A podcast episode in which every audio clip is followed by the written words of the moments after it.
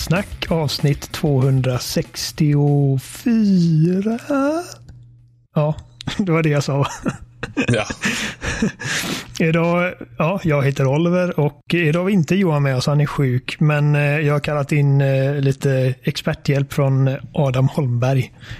Tja, tja. Återigen. På eh, Popular Demand.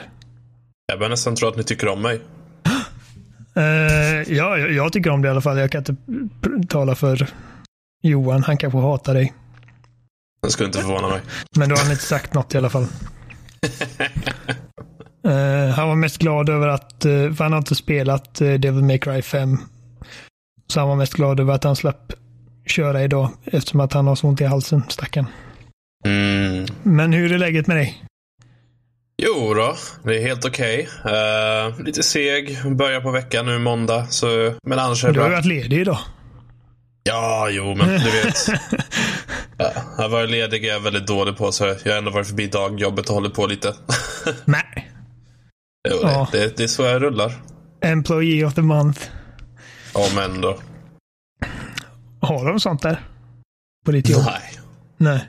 Det är inget sån här liksom att de eh, höjer liksom insatser. Ibland kan man få lite plakat för det om man omsätter och säljer mest.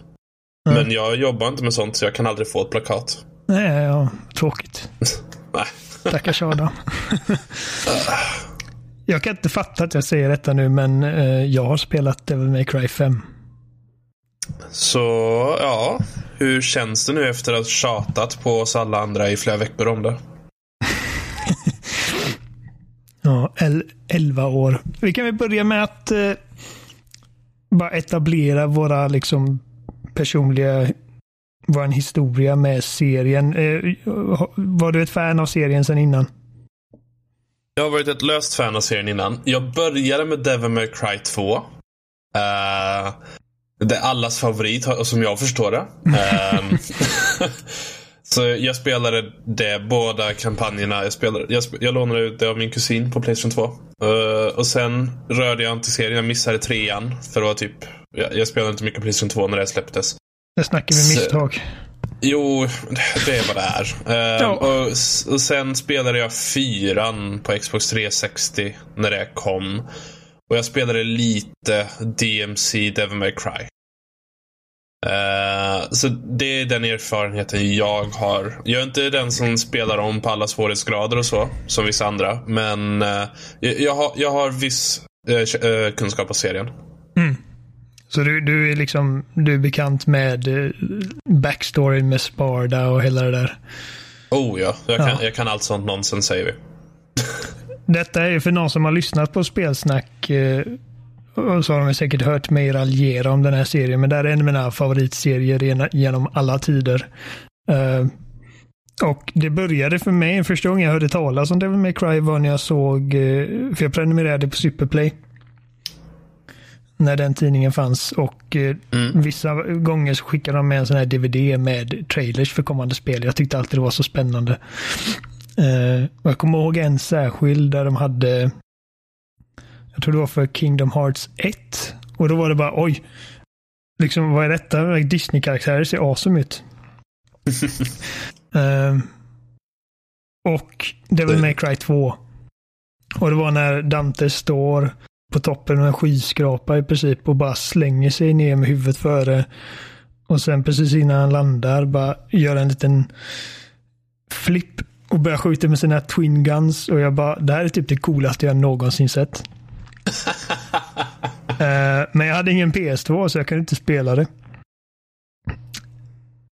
Men det var liksom min första kontakt med serien. Och jag bara tyckte att Dante, den här snubben är liksom det coolaste jag sett. Och det var på den tiden också när jag gillade att skriva mycket eh, jag skulle säga fantasy-berättelser antar jag. Jag gillar att skriva liksom från en väldigt ung ålder och om jag hade läst något av det idag så hade jag säkert skämts ögonen ur mig. Bara för hur dåligt det är. Men jag kommer ihåg att den trailern gjorde att jag började skriva någonting bara helt baserat på vad jag såg i den trailern. Och Jag, jag, var, hoppas inte vad Slash fick. Vad är det? Slash fick är i princip... någon, eh, Du vet fanfiction? Ja. Slashfic är när de börjar pöka med varandra. Jaha, nej, nej, nej, nej. Det var bara liksom... Alltså, det var i princip en fanfiction baserad på Devil May Cry. Fast jag, jag visste inte vad han hette eller någonting om hans backstory. Eller det, det enda jag visste var att han, han kunde liksom överleva ett fall från en skyskrapa. Han hade två ascoola pistoler och ett svärd. Liksom. Bara det, den kombon liksom av modern moderna firearms i kombination med ett liksom jättestort typ medeltida demonsvärd. Det var, det var ögonöppnande för mig. Det var hur coolt som helst. Mhm. Eh, och sen när jag väl spelade spelet så var det bara usch. Det var ju flera år efteråt. För var, jag kommer ihåg att det var det för att jag fick låna en PS2 av en kompis för att spela ehm, God of War och God of War 2 och Metal Gear Solid 3. Tvåan hade jag spelat för det fanns på PC. Um, ehm, och ju då, trean också har jag för mig i efterhand, men då fanns det inte. Um, och då tänkte jag, nu ska jag ge mig i kast med den här serien. Så jag började med ettan och tyckte att ja, men det här är roligt. Um, gick vidare till tvåan. Bara kände att här, här tog de ett snedsteg. Spelade trean och det var bara, jag var liksom frälst. Alltså, Devil May Cry blev verkligen Devil May Cry med trean känner jag. Att det var liksom då alla bitar hade fallit på plats och eh, Dantes karaktärisering bara, det bara klickade. Att nu visste vi liksom vem Dante var. Och varför han är cool. Ehm, och det var någonting som var väldigt tråkigt med tvåan. Att han hade ju ingen som helst personlighet i princip. Han eh, hade väldigt få one-liners. Han gjorde ingenting coolt i mellansekvenserna. Han bara dök upp och sliceade någon demon och så typ tittade han så här brooding. Och så, så är det någon som ber honom om hjälp och han bara singlar en slant och bara oh look, looks like it's your lucky day. Och det var typ hans, hela hans karaktär i det spelet. och så kommer han till eh, trean. Han sitter och käkar pizza, har kommit ut ur duschen och blir liksom superspetsad av massa så här liemän-demoner. Och sen så han bara krossar dem ungefär som det mest det mest elaborate mellansekvenser jag någonsin sett i ett actionspel. Liksom hur han använder de här liksom avslitna liarna som han hade i armarna. För att då han, har- han hade blivit piercad i armarna av dem. Och använder dem liksom för att skära upp demonerna och så surfar han på någon av dem. Och sen så slänger han upp biljardbordet och skjuter pistolkulan på bilja- biljardkulan i luften så att de liksom bara rikoscherar av varandra och in i huvudet. på- Alltså det var hur coolt som helst och sen fångar han pizzaslicen i efterhand. Eh, och sen kom fyran givetvis. Och, Jag menar, det var... Det är nog inte många spel jag har lagt så mycket tid på som det spelet. Och då var jag sån då att jag körde all, allt på alla svårighetsgrader och tog inte alla achievements dock för att det var helt löjliga achievements. Mm. Jag eh, spelade en del av fyran. Jag, körde, jag tror jag körde kampanjen typ två gånger och jag pallar aldrig göra de här uh, utmaningarna och sånt. Mm. Eh, Första gången jag gjorde en del alla det. utmaningarna var bara för ett par månader sedan faktiskt. Ah, Vilket är roligt med tanke på att jag, jag då liksom klarat Dante Must Die svårighetsgraden med det utan att ha haft liksom en full health bar. mm. Ehm. men ja. Vad skulle du säga? Ehm, Avbröt jag dig eller var du klar? nej, jag, jag var klar. Jag ville bara, Okej. jag ville bara säga att eh, jag, jag är inte lika stor nörd som du är. Nej. Jag kommer ihåg liksom snacket i... eh, jag, tror, jag tror det var i Level jag läste någon intervju och de snackade om att eh, vi visste att det skulle bli kontroversiellt att ha en ny karaktär, Nero, som huvudkaraktär. Och detta var då innan vi ens visste om Dante skulle vara spelbar överhuvudtaget. Mm. Eh, och så var det en artikel eh, i Level där efter någon demo de hade spelat så sa de okej, jag tror vi ska visa en sista grej. Och så slutar man artikeln med, med att han skrev typ att de laddade upp samma bana men nu var det inte Nero som jag spelade som, nu var det Dante. Och så var det klart typ. Och jag bara, ah. Dante är med i helvete, det kommer bli världens bästa spel. Um, tyvärr leder ju det spelet av att det, det är i princip ett halvt spel.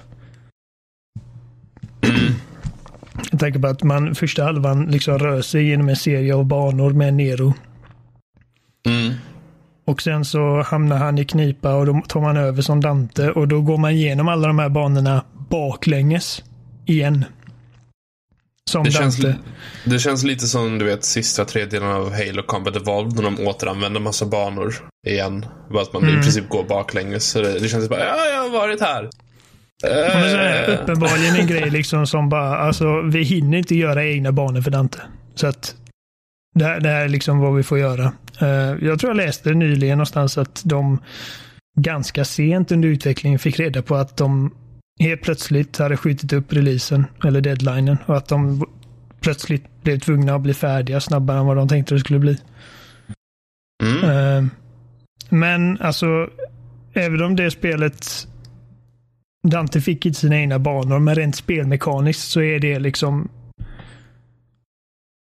verkligen någon sorts peak för character action games som man kallar det. Eller bara action games, hack and slash-spel. Mm. Uh, det är en sån grej. Liksom. Alltså, jag lär mig. Jag har spelat det säkert från början till slut, säkert 25 gånger. Och jag lär mig fortfarande grejer om små mechanics som man kan använda på nya sätt. Och det är fantastiskt hur djupt det är. Och det är alltså 11 år sedan. Mm. Hade vi tänkt nämna lite DMC, Devil May Cry, vad vi tycker om det innan vi hoppar till femman? För Ja, det var ju alltså- en del av avbrottet där. Det kom ju liksom, eh, rebooten kom ju som ett sorts mellanmål. Får man väl Ja. kalla det. Eh, jag gillade rebooten jättemycket. Uh, jag, eh, jag minns, för jag tror att den första trailern kom om det var typ 2000 jag kommer inte ihåg, 2011 kanske? Det var ganska tidigt. Ja, det var Eh, väldigt tidigt. Ja. Eh, och eh, då jag som var liksom som mest i min så här Devil May Cry-hype, liksom att det är typ det bästa jag vet i hela världen. Mm. Jag, jag stämde in ganska mycket i liksom klagomålen. Jag satt inte på YouTube och forum och bara liksom sa att Ninja Theory förtjänar att dö. Men jag var liksom uppenbart besviken över att okej, det är inte DMC5 och det är inte liksom Dante som jag känner honom. Vi får inte se hur det fortsätter med Nero. Um, det här ser den första trailern. Jag kommer jag såg någon intervju med Game Informer med Tamim Antoniades som eh, är, han är ju någon form av högsta höns där på designteamet. Uh, han var ju lead, lead director, eller vad man kallar det för, rebooten. Mm. Eh, och nu i en intervju inför Hellblade så, så frågar de det snabbt. Liksom, "Å- å- är det, finns det någonting du ångrar med DMC? Och han sa bara den första trailern. Och eh, jag tror att det, jag förstår varför. För att den, den visar upp Dels så ser liksom Dantes look inte helt finalized. Eh, Nej, de, det, jag vet, minns att de bland annat designade om jackan en massa innan release och sånt. ja, mellan den var och lite kortare. Han såg lite mer typ Han, han ser ut som en 12-årig pimp. Ja, De lyssnar på My Chemical Romance. Han såg väldigt ohälsam ut också minns jag. Liksom ungefär som att han hade gjort massa meth eller något. Eh, och, så, och han rökte cigaretter och, och så var den här typ man såg honom fastkedjad hängandes. Typ som ett litet benrangel i någon sorts typ jag vet inte om det var... Det var, en, det var någon form av västerländsk cynisk edge över trailern. Som inte riktigt klickade med folk. Mm. Eh, för- jag, jag är än idag lite förvirrad över vad, den, vad de försökte vilken riktning de försökte ta det med den trailern. För att de fick det att se ut som att Dante bara är liksom någon som är helt delusional och tror att att han liksom i fantasin ungefär har en annan identitet där han liksom slaktar demoner. Uh, Medan han egentligen är fastkedjad på typ mentalsjukhus eller någonting. Typ, uh, jag kan tänka mig lite som, vad heter den här Alice-spelen från American McGee. Ja, precis. Ja. Uh. Och typ Zack Snyders Sucker Punch antar jag. Har du sett den? Jag, jo, jag har sett den och jag kom just ihåg att jag hade sett den tack vare dig för att ingen annan pratade om den filmen någonsin. den, den, är, den är inte så bra. Fast uh, uh, Steampunk Nazi Zombies är någonting vi måste uh, få ha i spel att skjuta på, tycker jag. De var coola. Mm, ja. Drakarna var rätt coola också. Och den stora samurajen. Den mm. hade liksom en, en, del coola liksom actionsekvenser, men in, inte en jättebra film. I vilket fall Nej. som helst. Uh, de gick ju tillbaka på det. Alltså, i, i det slutgiltiga spelet som kom liksom om vi då utgår från att den första trailern kom 2011, vilket jag inte är säker på, men om vi utgår från det så eh, den färdiga produkten kom 2013, två år efter och eh, de hade inget av det där liksom att han hänger, hänger liksom kedjad i något förhörsrum och blir torterad, utan det är liksom en lite mer bara verklighetsförankrad mer grounded tolkning av klassiska DMC i princip. Mm. Uh, det hade, alltså jag tror att de grejer som det spelet gjorde bäst var sånt som uh, originalserien inte gjorde så jävla bra. Plattformandet var betydligt roligare där och mindre problematiskt. Uh, jag tycker om miljödesignen väldigt mycket för att det var ju liksom hela idén med spelet var ju att eh, demonvärlden ligger som ett extra lager över vår egen värld.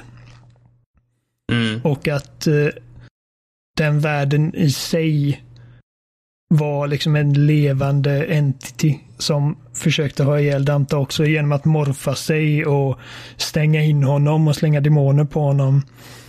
Och jag känner att det är en väldigt västerländskt det är ett väldigt västerländskt sätt att approacha någonting. För man tänker att eh, de gick in där och tänkte okej, okay, så Devil May Cry, du har en, en son till en demon som offrar sitt liv för att rädda mänskligheten och gå emot sin egen sort.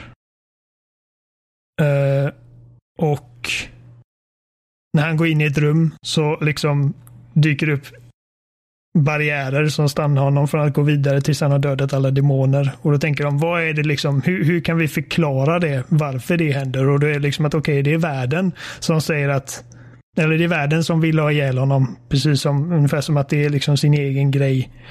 Eh, ett tänkande väsen. Och det enda sättet för att komma vidare är att liksom döda dess undersåtar i princip. Mm. Medans eh, i japansk speldesign så tänker man inte så jävla mycket på sånt. Det är liksom att vi stänger det rummet. Någonting jag respekterar jag, äh, japanska utvecklare med är att de är väldigt sällan rädda med att äh, låta uppmärksamma att det är ett spel och låta liksom, spelet ha de reglerna.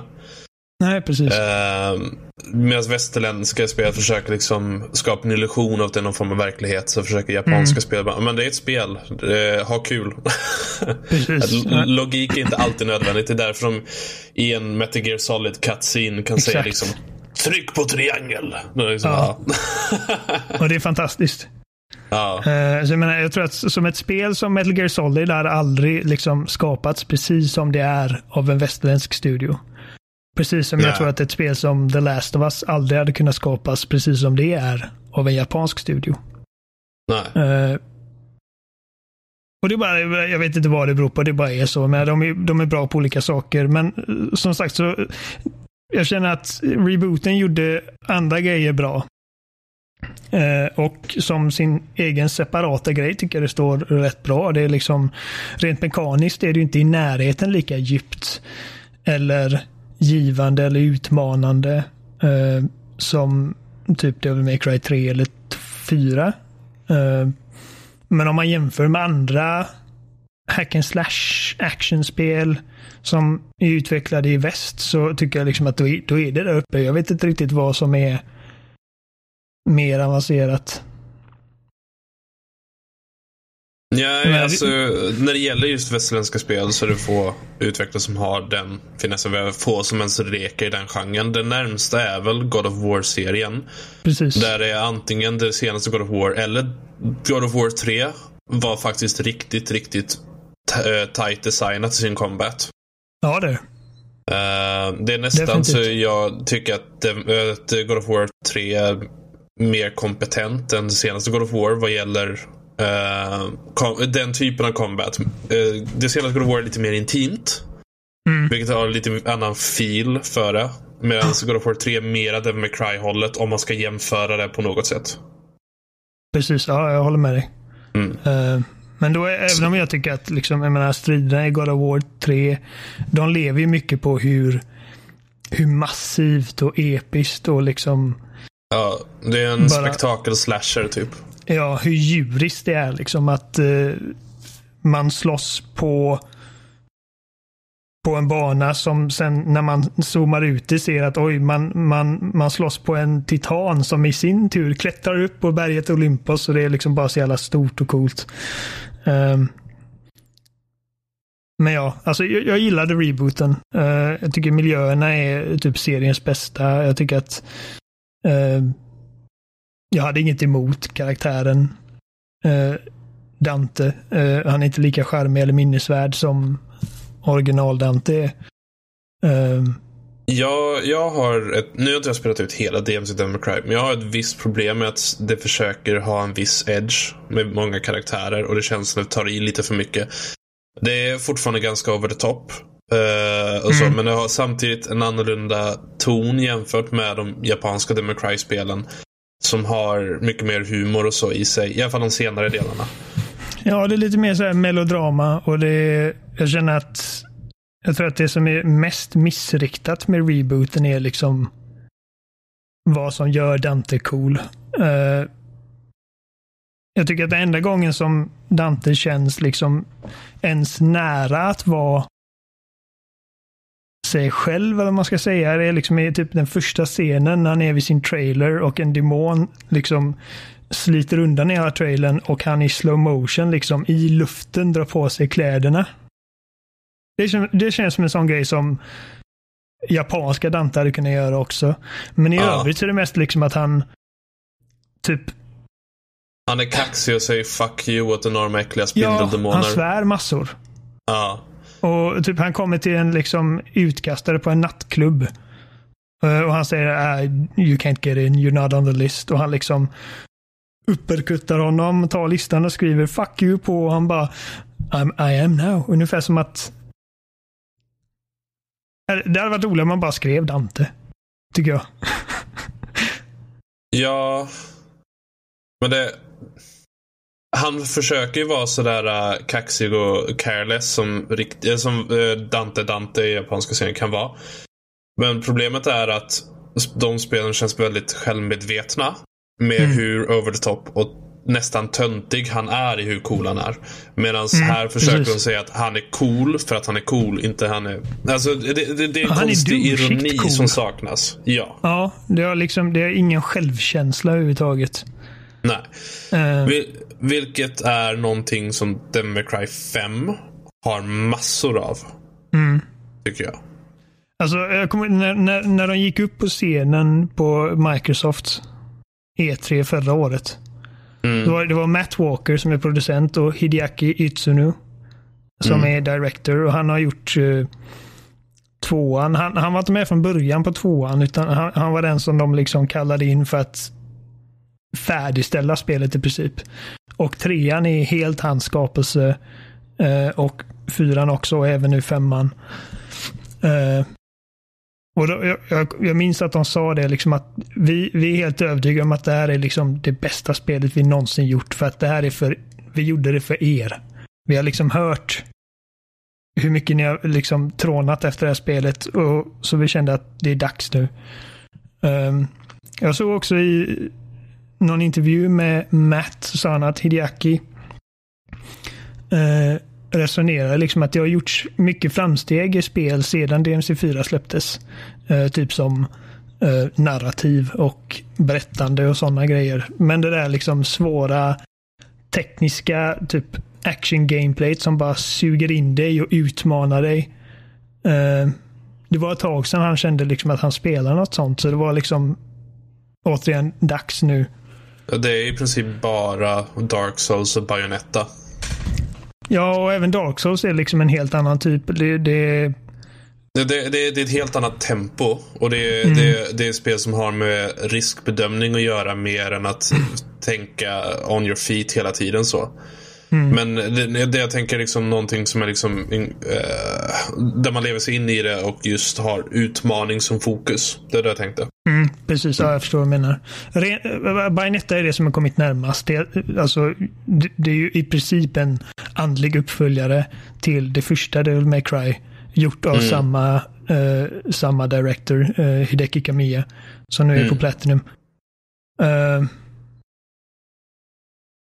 men alltså 11 år liksom. Det, hur, hur, kan, hur kan någonting som man har väntat så länge på och liksom drömt om och bara fantiserat om leva upp till förväntningarna? Tänker man ju. Och oftast känner jag liksom att det, det, inte riktigt blir så, men jag tycker Devil May Cry 5 lever definitivt upp till det. Det är helt jävla vansinnigt bra. Det är i princip allt jag velat ha. Och liksom, det är till och med det lyckas till och med ge mig saker som jag inte visste att jag ville ha. Mm. Hur känner du? Bara liksom overall, är det, här ett, liksom, är det här ett spel som du hade rekommenderat? Jag, eh, jag tycker spelet är riktigt, riktigt bra. Uh, jag har inte klarat ut hela än. Jag har kommit, hur många uppdrag? Typ 12-13 uppdrag in. Jag tror jag är på uppdrag 13 nu. Um, och jag tycker om kontrollerna. Jag tycker om designen, jag tycker om attityden. Det finns saker jag har, jag tycker är lite eh, mer trista med spelet. Men det är mer tekniska detaljer och småsaker justerat. Överlag så är det det, det, är en fortsatt trend med Capcom senare spel. Det, det är ett riktigt bra spel. Det um, räds inte för att vara klassiskt. Det är en, samtidigt modernt. Och uh, det, det, är ett riktigt bra spel. Och det är, året har ju knappt börjat, men det är ett av årets bästa än så länge. Ja, definitivt. Uh, jag har också så här, typ liksom lite kritik att ge också, men jag tänkte vi tar det lite senare. Ah. Jag känner att det som var mest iögonfallande med spelet när de visade upp det var grafiken som nu byggs på RE Engine istället för deras MT Frameworks. Ja, och det är så...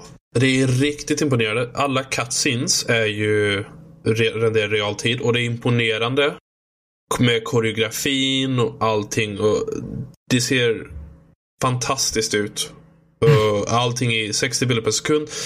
Det är riktigt, riktigt väldesignat och gjort på det sättet. Och jag tycker om den motorn jättemycket.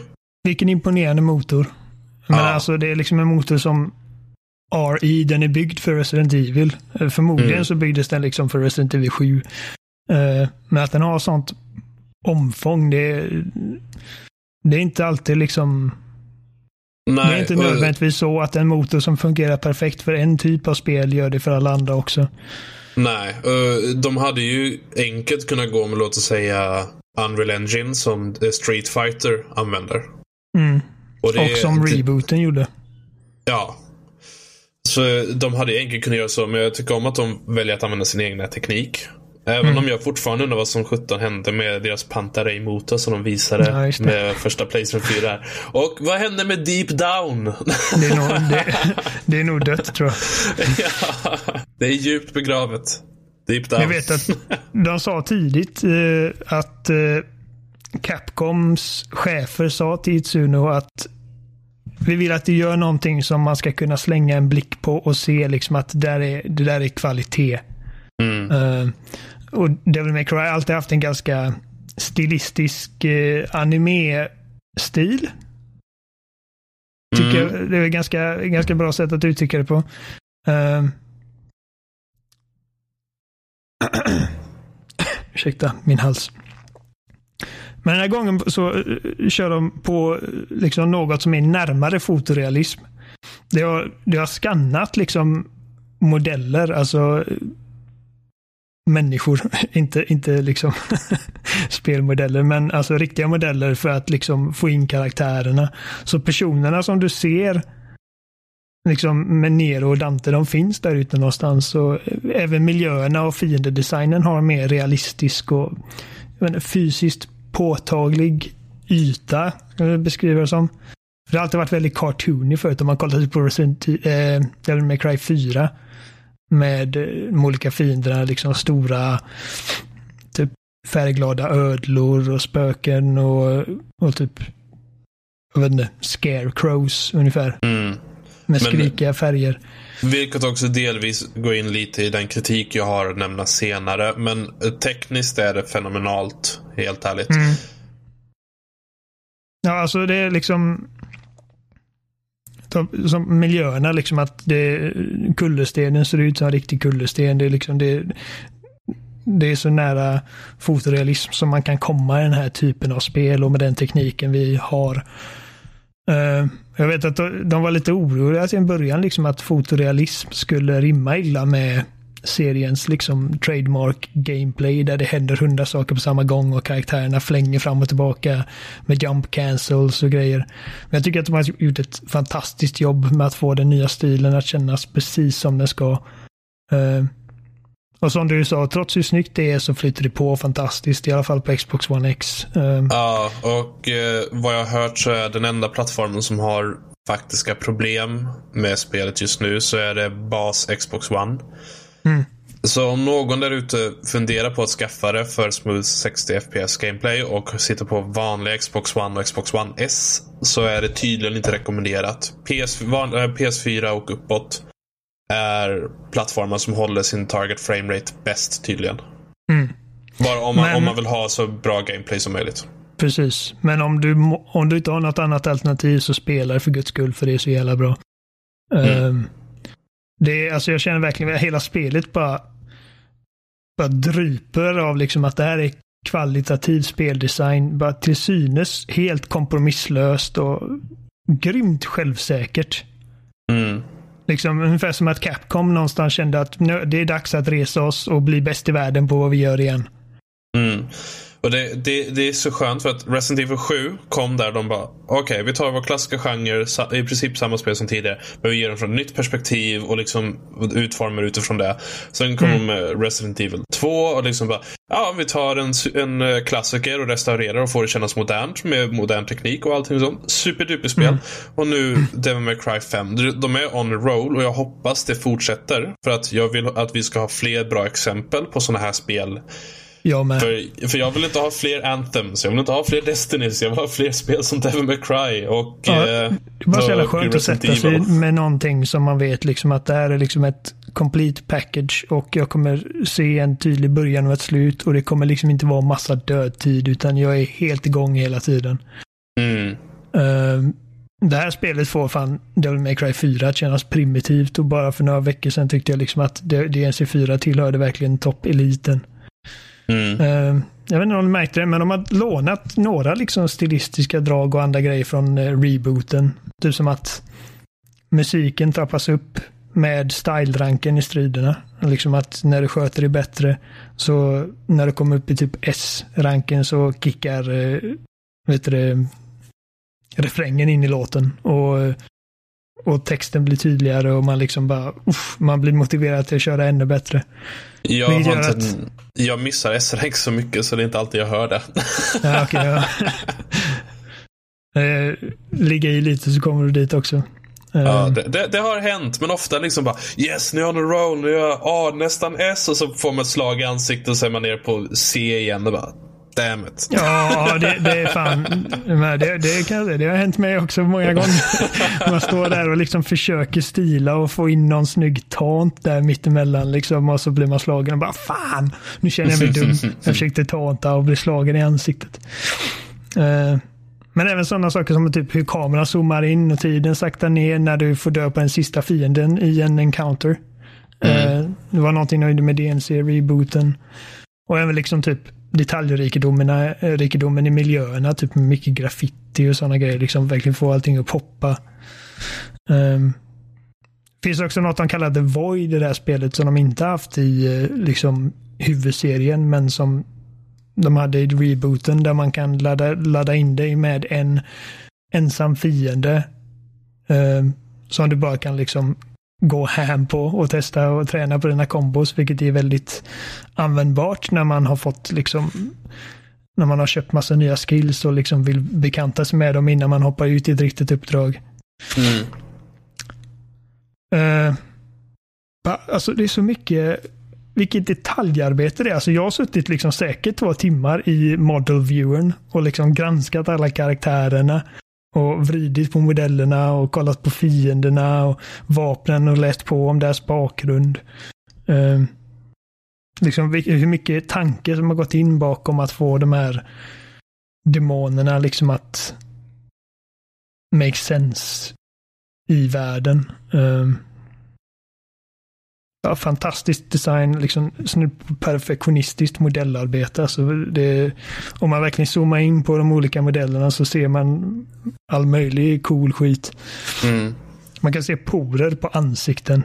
Uh, och emellanåt kan man praktiskt taget läsa läppar på karaktärerna för att de är så välanimerade. Mm. Animationen är typ alltså bland det bästa jag sett. Att det finns så många rörliga delar på dessa karaktärer liksom i gameplayt, alltså när man, när man spelar det. Och att det aldrig för ett enda ögonblick offrar responsivitet är liksom helt mindblowing. Mm. Bara hur många liksom frames det var mycket som händer liksom bara under en sekund av animation, typ när man gör en dodge roll exempelvis. Hur kläder rör sig och hår reagerar, det är sjukt snyggt. Um, så det är tre spelbara karaktärer i det här spelet. Vi har Nero och Dante och uh, nykomlingen Vi. Och Vendetta. Vi får Vendetta. remember, remember. Uh, hur tycker du den känns? Liksom, har du någon tydlig favorit? Uh, är det någon som inte riktigt funkar för dig? Okej, okay. jag, jag, tycker om Nero är min favorit. Men det är för att uh. han är han är ganska um, enkel så sett. Men det är att han har mera... Han, det handlar mer om att bygga kombos med det han har. Uh, och han har fler moves för sitt, sina vapen, sitt svärd och sådana saker. Per vapen så. Medan Dante har en hel mängd med olika styles och vapen som man, där man ska växla mellan. Uh, beroende på vilken fiende. Alltså, han är lite mer konkret för mig att spela. Mm. Uh, han, han, har bara ett svärd och han har en pistol. Uh, ja. Men han har också det coolaste svärdet i hela spelet. Liksom det här med typ motorcykel, vrum vrum på handtaget. Ah. Och eh, ifall du lyckas liksom tajma dina knapptryck ordentligt efter varje svärdsving så kan du hålla det svärdet liksom powered up genom en hel kombo. Det är sjukt tillfredsställande. Um, det Nero är sån liksom att han, han behöver inte hålla sig riktigt lika rörlig som eh, Dante behöver i och med att han har sin liksom, eh, snatch-funktion. Att han kan dra till sig fiender. Så han behöver liksom inte jaga fienderna, han tar dem till sig själv. Mm. Eh, och så var det även i fyran att han hade Red Queen som är svärdet och Blue Rose som är pistolen. Som skjuter två kulor per gång. För övrigt, det är jävligt coolt. Uh, och så hade han sin demonarm som han kunde han kunde göra sådana här finisher moves på fiender och återigen liksom dra dem till sig. Nu i storyn tidigt får man se liksom att det är någon snubbe men alla som kan sitt DMC vet exakt vad den här snubben är. Men någon snubbe kommer in och tar armen från honom. Uh, och då vet jag att Itsune sa liksom att jag, jag, vill, jag vill ta ifrån spelare någonting de är van vid. För att göra det lite mer intressant. Och ett klagomål med Nero från förra spelet var ju liksom att jämfört med Dante har han inte lika mycket leksaker att leka med. För Dante har tre firearms och tre milivapen och Nero har liksom en av varje. Men nu har vi ju Devil Breaker-systemet med liksom att du har en typ mekanisk arm. Och det finns alltså en hel uppsjö av dem. Jag vet inte om det är typ 8, 9, 10 stycken. Som alla gör mm. olika saker. Uh, och uh, det gör att Nero är plötsligt växer från det han var i fyran till någon som bara liksom har en hel uppsjö av leksaker att leka med. Uh, har du någon favorit Devil Breaker? Uh, vad heter den? Gerbera eller Gerbera? Den som, ja, den som man typ dashar med. Ja, precis. Man, man skjuter ut liksom en shockwave som flingar dig runt omkring och du kan i princip hålla dig i luften hur länge som helst med den. Ja, jag, jag tycker om att använda den för att tackla eh, fiender och så också. Eh, mm. Den funkar väldigt bra för att liksom, typ när man kör mot bossar så är den väldigt bra för att hålla sig eh, I luften rörlig. Mm. Uh, medans med, man kan använda den liksom när man jonglerar med mindre fiender så kan man liksom använda den för att skjuta iväg dem eller dra dem med sig när du flyttar dig. Ja, jag använder den mest för att om, när man är i en grupp och man känner att ah, nu är det lite tight. Så typ, okej okay, jag tar med mig honom och så använder jag den och flyger iväg med honom en bit. Och så tar jag den mm. fienden och så är jag lite... Uh, jag är inte riktigt i stridens hetta just då. Och det, det hjälper mig ganska mycket under striden. Så jag, mm. jag tycker om den att det ger mig fler taktiska val just den handen. Man kan få liksom några sekunder av Lugn och ro. Lite, ja, precis. så, så mycket man lugn och ro går, man kan ha i Devil Cry. Ja, medan man går hem på den stackars jäveln. uh, han har även en arm som, jag tror han kallar den Buster-armen, som fungerar typ precis som, som hans uh, som hans arm gjorde i fyran. Liksom att man tar tag i en fiende och drämmer den i marken eller gör mm. sådana här coola finisher moves på bossar. Den uh, går också sönder ganska lätt. De balanserar ut det ju, ju mer kraftfulla armarna är, ju lättare är det att bli av med dem också. Ja, för med, medan du använder dem, om du blir träffad en enda gång så går den sönder och så får du gå till nästa arm du har i magasinet. Då. Mm. Uh, I början kan du bara ha tre stycken, men du kan liksom bygga ut det så att du kan ha upp till åtta, tror jag det um, Vilket jag menar, det, det, det, det uppmuntrar dig liksom att, att spela bra så att du inte går runt och blir träffad och förlorar alla dina devil breakers. Men det gör också att när du väl oundvikligen blir träffad och förlorar en breaker så tvingas du använda nästa grej och liksom det gör också att du växer som spelare, att du liksom får improvisera lite. Um, jag gillar ju Tomboy om du har kört med den någonting. Uh, jag kommer inte ihåg vad den gjorde. Den, den, den liksom förstärker ditt svärd och din pistol så att den alltid är liksom i full exid, alltså liksom fulladdad med eld. Uh. Och så, du bara, alltså den är så liksom kraftfull och svårhanterlig att du kan inte låsa fast på fiender medan du har den aktiverad. Men du bara mm. flailar runt med den och liksom flyger fram och tillbaka. Och nästan som att det är svärdet som drar med dig snarare än tvärtom. Ah. Det kör ut massor av skada med den. Uh, med då liksom the caveat att den är lite mer svårhanterlig. Mm. Den här raketarmen också jävligt cool när man skickar iväg den. Sen kan man surfa på den ungefär som, som Dante gör i trean. Han surfar runt på en missil och liksom jonglerar runt fiender. Det bara finns massor av potential för att leka med dessa armar och jag tycker att det verkligen höjer neråt till någonting ännu roligare än vad han var i första spelet. Eller förra. Mm. Uh, men ja, han, han, är, han är lättare att komma in i. Än vad... det jag tycker om är att han är liksom han, han är lättare så, men han har då mer movesets att lära sig. så. Jag tycker det är roligt att bygga kombos med honom. Ungefär som i ett fightingspel. Mm. Mer än eh, att försöka aktivt växla mellan saker. Mm. Uh, så jag tycker om Nero mest. Sen har vi ju Vi. Som vi, jag var väldigt orolig över. Ja. Mitt problem med Vi är att han, han, är intressant. Han är intressant och han är ganska fräsch för han är någon form av semi-passiv karaktär. Ja, för, för de som inte vet om det, alltså han, han slåss ju inte själv utan han frammanar demoner som slåss för honom. Eh, så du har en panter som, som fungerar som liksom närstridsattack. Eh, och en, eh, en örn kan man kalla det. Ja. Som har long range attacker. Um, och kruxet då är att det du gör med de här två är liksom att du försvagar fiender så pass att de blir staggrade, vad man ska kalla och då kan vi gå in med sin käpp och uh, göra en finisher. Mm. För honom handlar det mycket mer om positionering och simultanförmåga för att vi, liksom den fysiska karaktären, vi som du kontrollerar, kan inte försvara sig så bra. Eh, så honom ska du liksom helst hålla, hålla utanför striderna. Medan du så du håller koll på hur du positionerar dig för att hålla dig säker. Medan du samtidigt ser till att dina liksom, demon-minions gör jobbet för dig på annat håll. Uh, och jag hade jättesvårt för att få honom att fungera först för att det är liksom helt annorlunda från någonting annat. Ja, uh, all... av de andra karaktärerna. Jag, jag skulle säga att även när man får grepp på honom så är han ganska bristfällig. Han, han, han är inte särskilt mycket för precisionsspelande.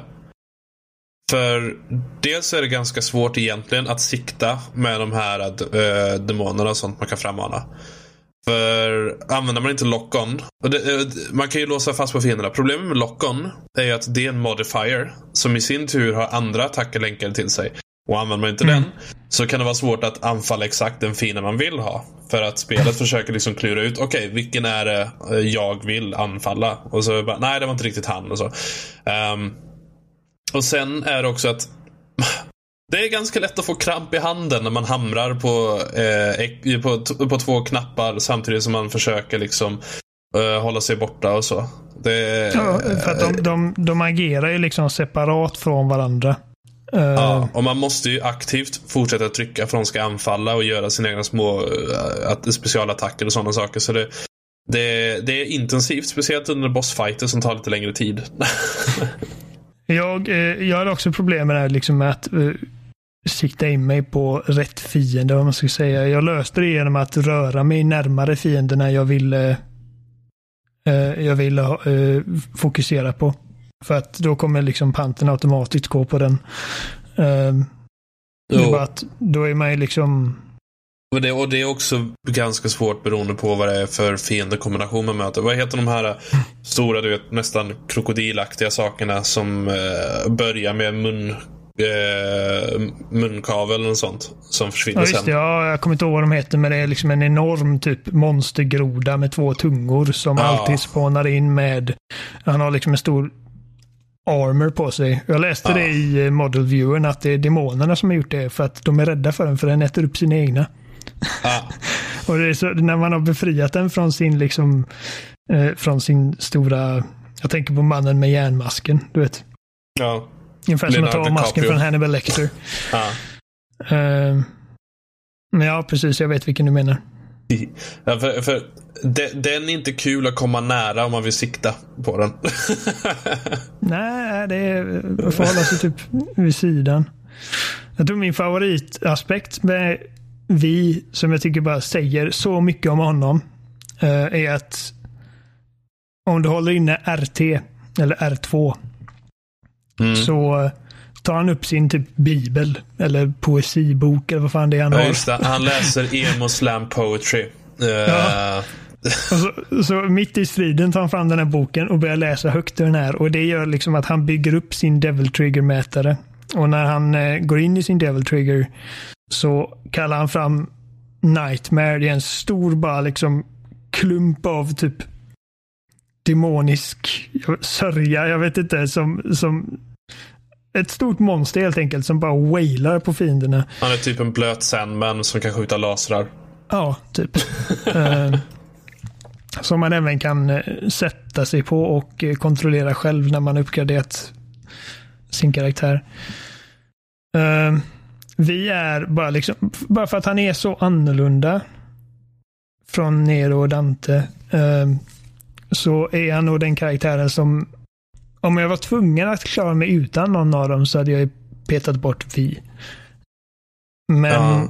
samtidigt, liksom, för att han är annorlunda är han också det är lite av en frisk fläkt liksom, när man kommer till hans banor. För det fungerar som så liksom, att du, du, spel, du väljer inte en karaktär att spela hela kampanjen utan du Vissa banor är Nero, vissa banor är Vi, vissa banor är Dante och ett fåtal banor får du välja vilken, vilken av dem du vill. Uh, så jag tycker bara imponerande liksom att de har fått de här tre helt unika karaktärerna att fungera allihopa inom spelets sandlåda av mechanics. Uh,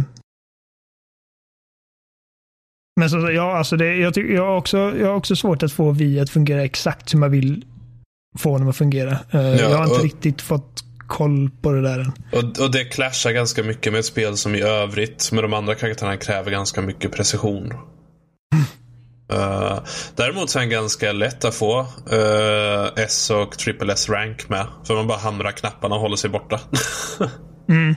Särskilt då när man eh, trycker igång sin Devil Trigger och helt plötsligt så är hela rummet bara ett brinnande inferno av monster som är på din sida och mm. sparkar stjärt. Mm. Uh, för mig, Dante snor i showen givetvis. Det, det är bara, jag visste att han skulle göra det. Uh, han har bara det mest, liksom, det mest fantastiska uppsättningen av vapen. Uh, sin gamla hederliga Rebellion.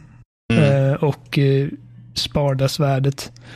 Men även typ alltså som uh, Balrog. Som både är en sorts bo boxningsvapen. Har han haft man, det, sånt vapen innan? Han har haft liknande varianter.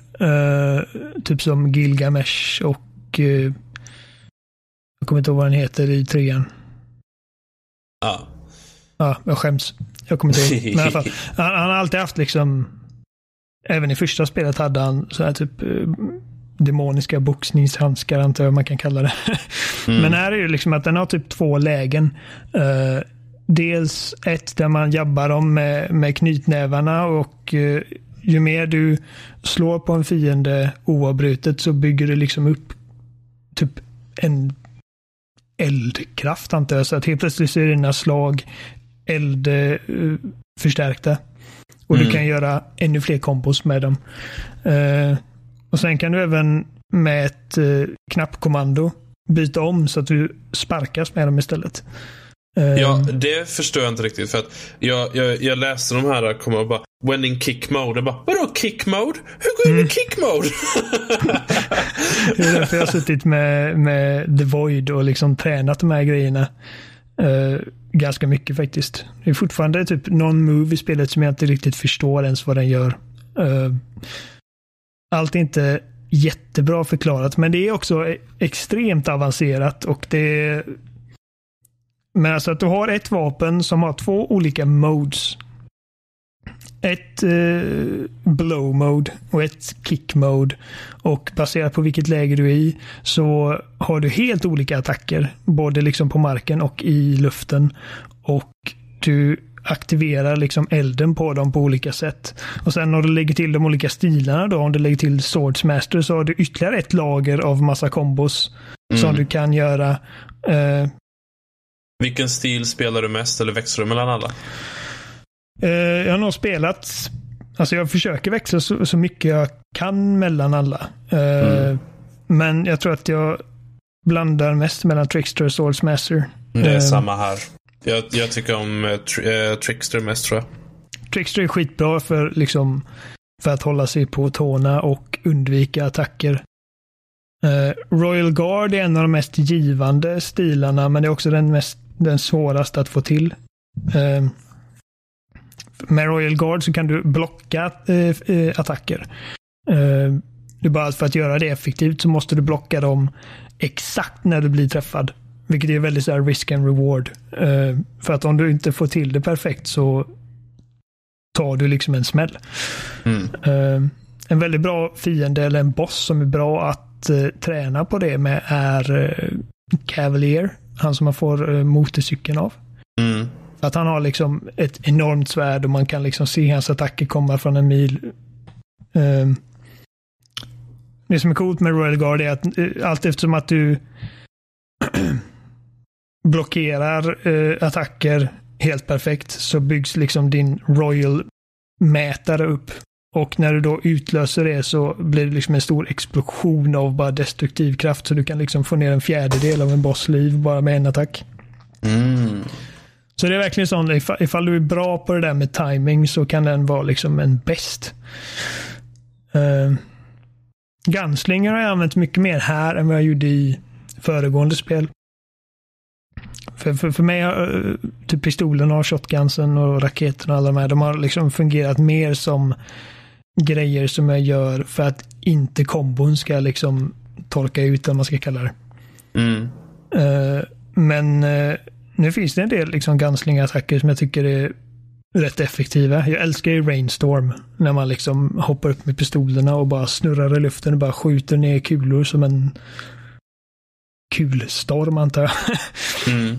ner på fienden under dig. Eh, och när man uppgraderat den fullt så kan du liksom jonglera runt med shotgunnen och eh, göra kullerbyttor och fram och tillbaka. Och, ehm, men ja, Swordsmaster har många av liksom spelets mest effektiva kombos.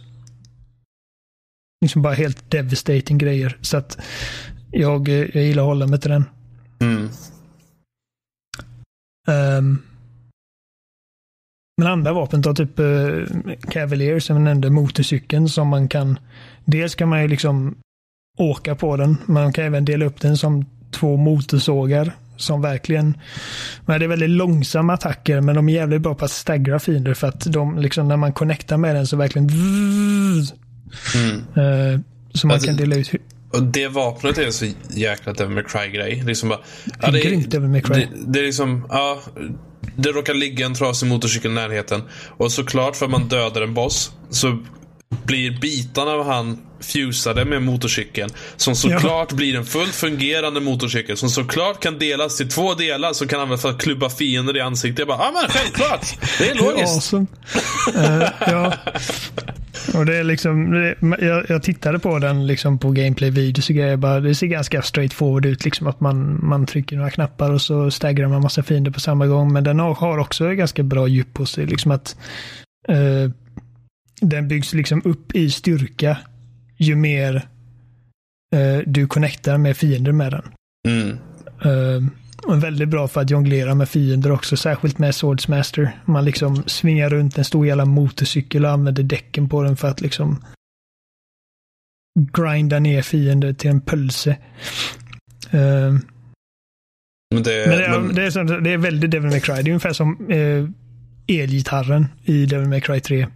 Men Du, har, du har pratat om den och Ja. eh, någon gång ska jag spela Devil May Cry 3 och testa den här elgitarren. Mm. Jag är inte så jättebra på det vapnet för att det är liksom Det är både ett eh, projektil och milivapen.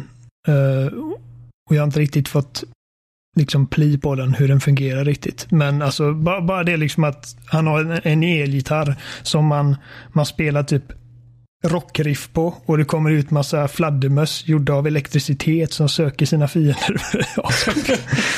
det är en sån grej som rebooten liksom saknade. Uh, du hade liksom ett svärd, du hade en yxa, du hade en lie och du hade liksom ett par typ handskar. Och Mm. shurikens. Eh, Alltså det, det sjukaste vapnet i spelet i Devil May Cry 5 är ju Dr. Faust. Det är en hatt. Eh, och det är så jävla coolt när han får den och han gör sin Michael Jackson-dansnummer.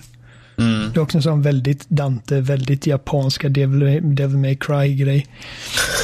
Eh, det är ett vapen som är läskigt att använda för att den skjuter Red Orbs. Alltså det är liksom, Red Orbs är ju din valuta som du köper nya moves och Devil Breakers med.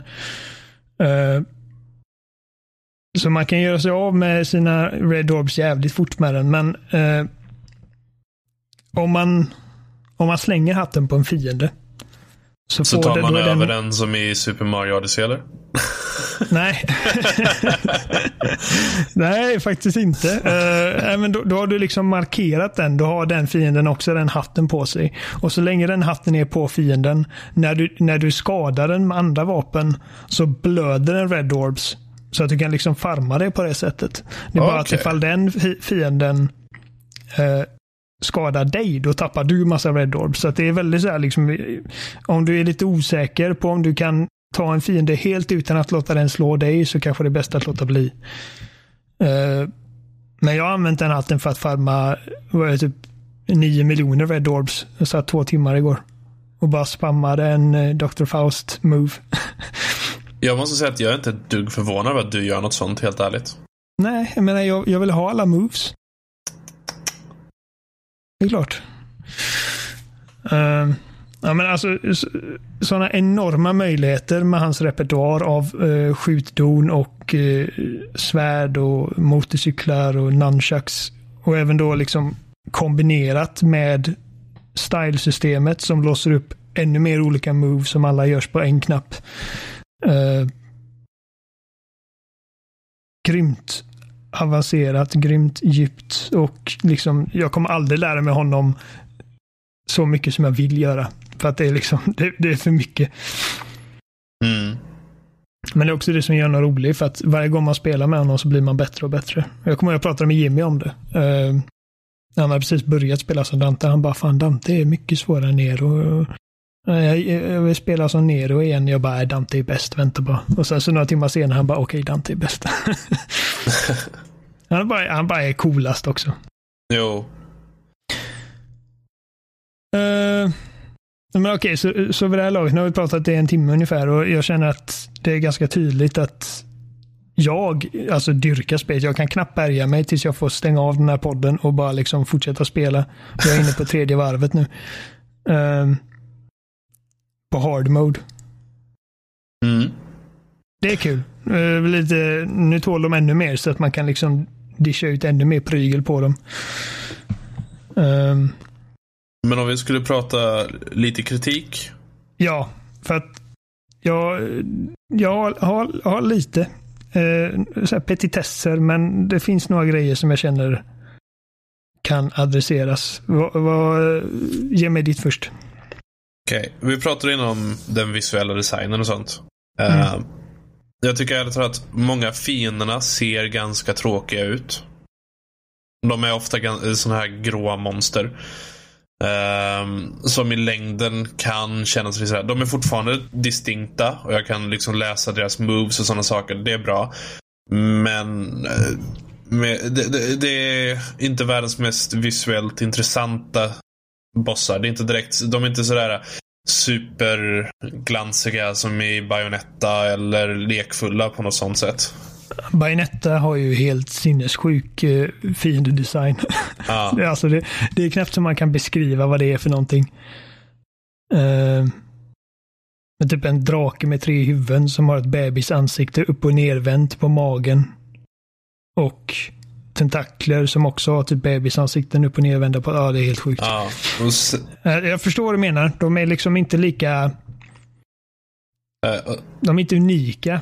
Riktigt. Och sen hade jag också velat ha eh, lite mer intressant miljövariation. För att, är att miljövariationen är inte... Det, det, det, är mer varierade olika miljöer i Devil May Cry 4 än i 5.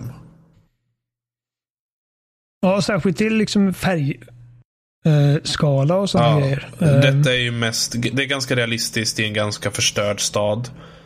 Och, och, det ser bra ut. Men det, jag hade gärna haft lite mer variation för att i Democrat 4 då liksom, ja en typ europeisk eh, gammaldags antik stad nästan. Och sen går man ut i, i, i hamn och så går man till ett slott och så går man till eh, Alltså och i en djungel. Det är liksom en massa olika miljöer. Och som, man, eh, som i sin tur har olika fiender som liksom typ matchar in lite mer. Um, så jag hade gärna haft lite mer miljöversion. Och sen också, många bossarna är ganska tråkiga. Uh, de har varit ganska enkla. Nu, när man spelar första gången, absolut. Det är ganska enkel svårighetsgrad då. Men det är, det är ingenting än så länge som jag spelar som toppar första bossen, uh, Goliath. Jag, jag, tycker inte bossarna är tråkiga. Jag tycker att de flesta av dem är väldigt roliga. Eh, jag, känner, jag kan hålla med om att det inte varit så Alltså på normal svårighetsgraden mm. som är det enda man, det är det högsta man kan välja i början. Man måste låsa upp de andra. Uh, det var egentligen bara den sista bossen som, som gav mig något att bita i faktiskt. Vilket jag ser inte riktigt som ett problem för jag vet att jag kommer klara detta spelet på alla svårighetsgrader och jag kommer spela om det om och om och om, om, om igen. Uh, men jag förstår vad du menar. Jag förstår även vad du menar med designen på fienden och miljöerna. Jag, jag gillar ändå att alla demoner i det här spelet ser ut som att de har kommit från samma plats. liksom att designen i det här spelet är mer eh, homogen. Att det känns som att allting hör ihop på ett helt annat sätt. Medan i Devil May Cry 4 kände jag liksom att man, fienderna känns som att de kommer liksom från nästan helt olika världar och varumärken. Och eh, medan jag uppskattade eh, miljövariationen i, i fyran så tycker jag också att det är rätt weird liksom hur man börjar i en liten typ pittoresk europeisk kyrkstat eh, och går vidare till en stor gotisk borg i en snöstorm och sen så går man in i en grotta och kommer ut till ett tropiskt paradis på andra sidan. Det bara känns konstigt. Så eh, det är mer enhetligt liksom som att man faktiskt, det känns som att man rör sig genom en bättre realiserad plats i det här spelet. Uh, däremot så, det här är också en av mina liksom, små petitess, liksom, points of criticism, att mot andra halvan för i första halvan tycker jag att eh, miljöversionen är rätt bra. Liksom, du går igenom en stad och du kommer till ett bibliotek och du kommer till en eh, typ tunnelbanestation och liksom att det känns som att man rör sig framåt. Men de sista typ åtta, sju uppdragen så rör man sig igenom det här liksom stora demoniska trädet. Ja, det är har... en tråkig som jag, för det är typ, det ser ut som typ det ser ut med snyggare grafik såklart, men det ser, ser ut som här generiska Playstation 2 demonvärldsspel. Eller något sånt. Det är, det är ganska generiskt där. Eh, jag tycker att det är ganska snyggt realiserat, men jag tycker att det blir för mycket av det mot eh, den andra halvan av spelet. Liksom att eh, med alla de olika karaktärerna. Jag förstår liksom att rent storymässigt så är det ju de här tre karaktärerna som rör sig igenom det här demoniska trädet för att komma till botten av det. Där the big bad väntar. Men det är svårt att komma ifrån också liksom att de sista typ fyra, fem timmarna av spelet så känns det som att man rör sig igenom väldigt snarlika miljöer. Jag hade, gärna, jag hade gärna velat att de skulle bli att de hade varit li, lite mer kreativa i liksom sin miljödesign. För det här är liksom typ ett Nej, det är i princip helvetet ungefär. Ah. Och det är liksom, det finns rätt mycket man skulle kunna göra med det. Ah. Och det var ju som sagt någonting jag verkligen älskade med rebooten. Ja, jag tänkte att, säga det med Democrat. Att det, det, är ju en stad man är där väl först och främst. Uh, men ja, det, det, det, kan fortfarande se distinkt ut för de har olika sätt att leka med världen. Som när man är i en upp och nervänd version av staden eller i ett uh, hus mm. som slits i stycken och sådana saker. Ja. Och då gjorde de ändå väldigt bra jobb med att få den här staden, även om liksom de olika delarna av staden och, och världen i sig uh, hade liksom sin egna unika distinkta flair så var det ändå som att det kändes som att det var samma plats. Det var bara att de olika delarna blev typ förvrängda på olika sätt mm. av demonvärlden. Och jag, jag menar, jag tycker att en av de svagare delarna av DMC rebooten är bossarna för att de avbryter det med liksom cutscenes och typ quicktime events och grejer hela tiden. Uh, men hur de ser ut, typ som Bob Barbers-bossen om du minns honom. Mm, det är han tv-hosten. Uh, nyhetsankaret. Ja. ja, liksom att du är typ du, du tar dig in i typ en tv-skärm och helt plötsligt ser du inuti liksom en fysisk manifestation av den här nyhetssändningen och du hoppar på liksom plattformar uh. som ser ut som liksom det interfacet de har för tv-showen. Uh. Och du slåss mot en, liksom, ett stort Bob Barbers huvud inne i liksom en tv. Han sköt ord alltså bara rent visuellt ja. så är det liksom Rent visuellt så är det liksom bland det bästa jag sett i den här serien. Och sen så är plötsligt så är man liksom på ett nöjesfält och du ser det själv genom ett liksom ett helikopter news team som filmar dig och kommenterar vad du gör. Ja. uh, bara liksom sån typ uh, fantasi liksom, och kreativitet i miljödesignen känner jag att det, det hade kunnat vara lite vassare. Mm. Um, och sen jag känner att liksom storyn, precis som spelet i sig är liksom en till skillnad från Devil May Cry 4 så är det liksom en komplett, ett komplett paket med liksom en tydlig början och ett tydligt slut och det känns liksom inte som att de har fått göra massa kompromisser för att de fick slut på tid utan att det här är liksom vad de velat göra. Uh, Men jag känner att det, och det här vet inte du för det har inte kommit så långt, men jag tycker att det slutar lite hastigt.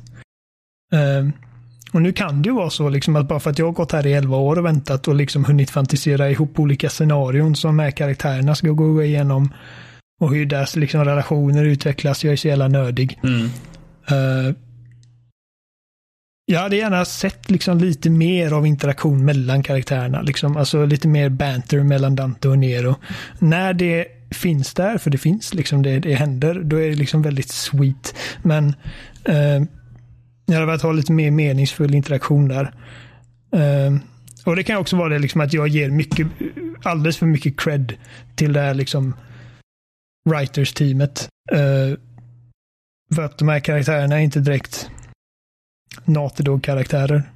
Men de, de har ändå väldigt speciellt en speciell plats i mitt hjärta. Uh, så eh, jag känner att jag hade velat, som sagt, jag hade velat se lite mer hända mellan karaktärerna. Och sen också, alltså jag, jag tycker de är lätt, för det är 20 uppdrag allt som allt, så jag tycker att de lättare kunde dra ut det till typ 25-30. Nu när de har eh, tre karaktärer. Eh, att liksom alla får ungefär lika mycket, för nu får de inte riktigt det tror jag. Eh. eller så är det bara jag som känner att ah, jag vill ha mer. Jag är inte nöjd, jag vill ha ännu mer. ja, alltså. Nu har inte jag klarat ut hela spelet än ju. Men. Uh, Nej. Jag uh, hade gärna. Jag, jag hoppas på fler Devil May Cry-spel. Jag hoppas det här går bra. Att det säljer bra. Så att vi får fler uh, spel i serien. Ja, med gud. Och du har några riktigt coola ögonblick att vänta nu i slutet. Alltså det var liksom så här riktigt typ som när Kratos fick Blades of Chaos i God of War igen. Och jag bara oh my god, det här är så coolt. um, nej men alltså, det, som sagt, jag, jag har mina små petitesser med det, men det är alltså allt som allt där är verkligen exakt vad jag har väntat på och väntan har varit helt värt det. Jag, eh, alltså jag är verkligen helt lyrisk. Jag, eh, jag såg en video med så Jim Sterlings recension slash impression. Så han är en väldigt liksom, han är ganska bitter. Eh, överlag ganska svår att eh, imponera. Men han sa liksom att det här typ, alltså det här är helt jävla amazing. Jag bara, jag vill bara spela mer och mer och det här spelet har liksom fått mig att bli excited över att spela spel igen. Mm. Och det är lite så jag känner. Alltså jag, som sagt, tredje varvet och jag kan, jag, det enda jag kan tänka på är att jag vill spela mer Devil May Cry. Mm. Jag, jag vill det... gärna spela med och jag är även mer intresserad av att spela de äldre spelen nu. Uh, ja, du borde definitivt spela trean alltså. Ja, men jag, tror, jag tror jag borde spela om tvåan först. Det, det känns ju fair.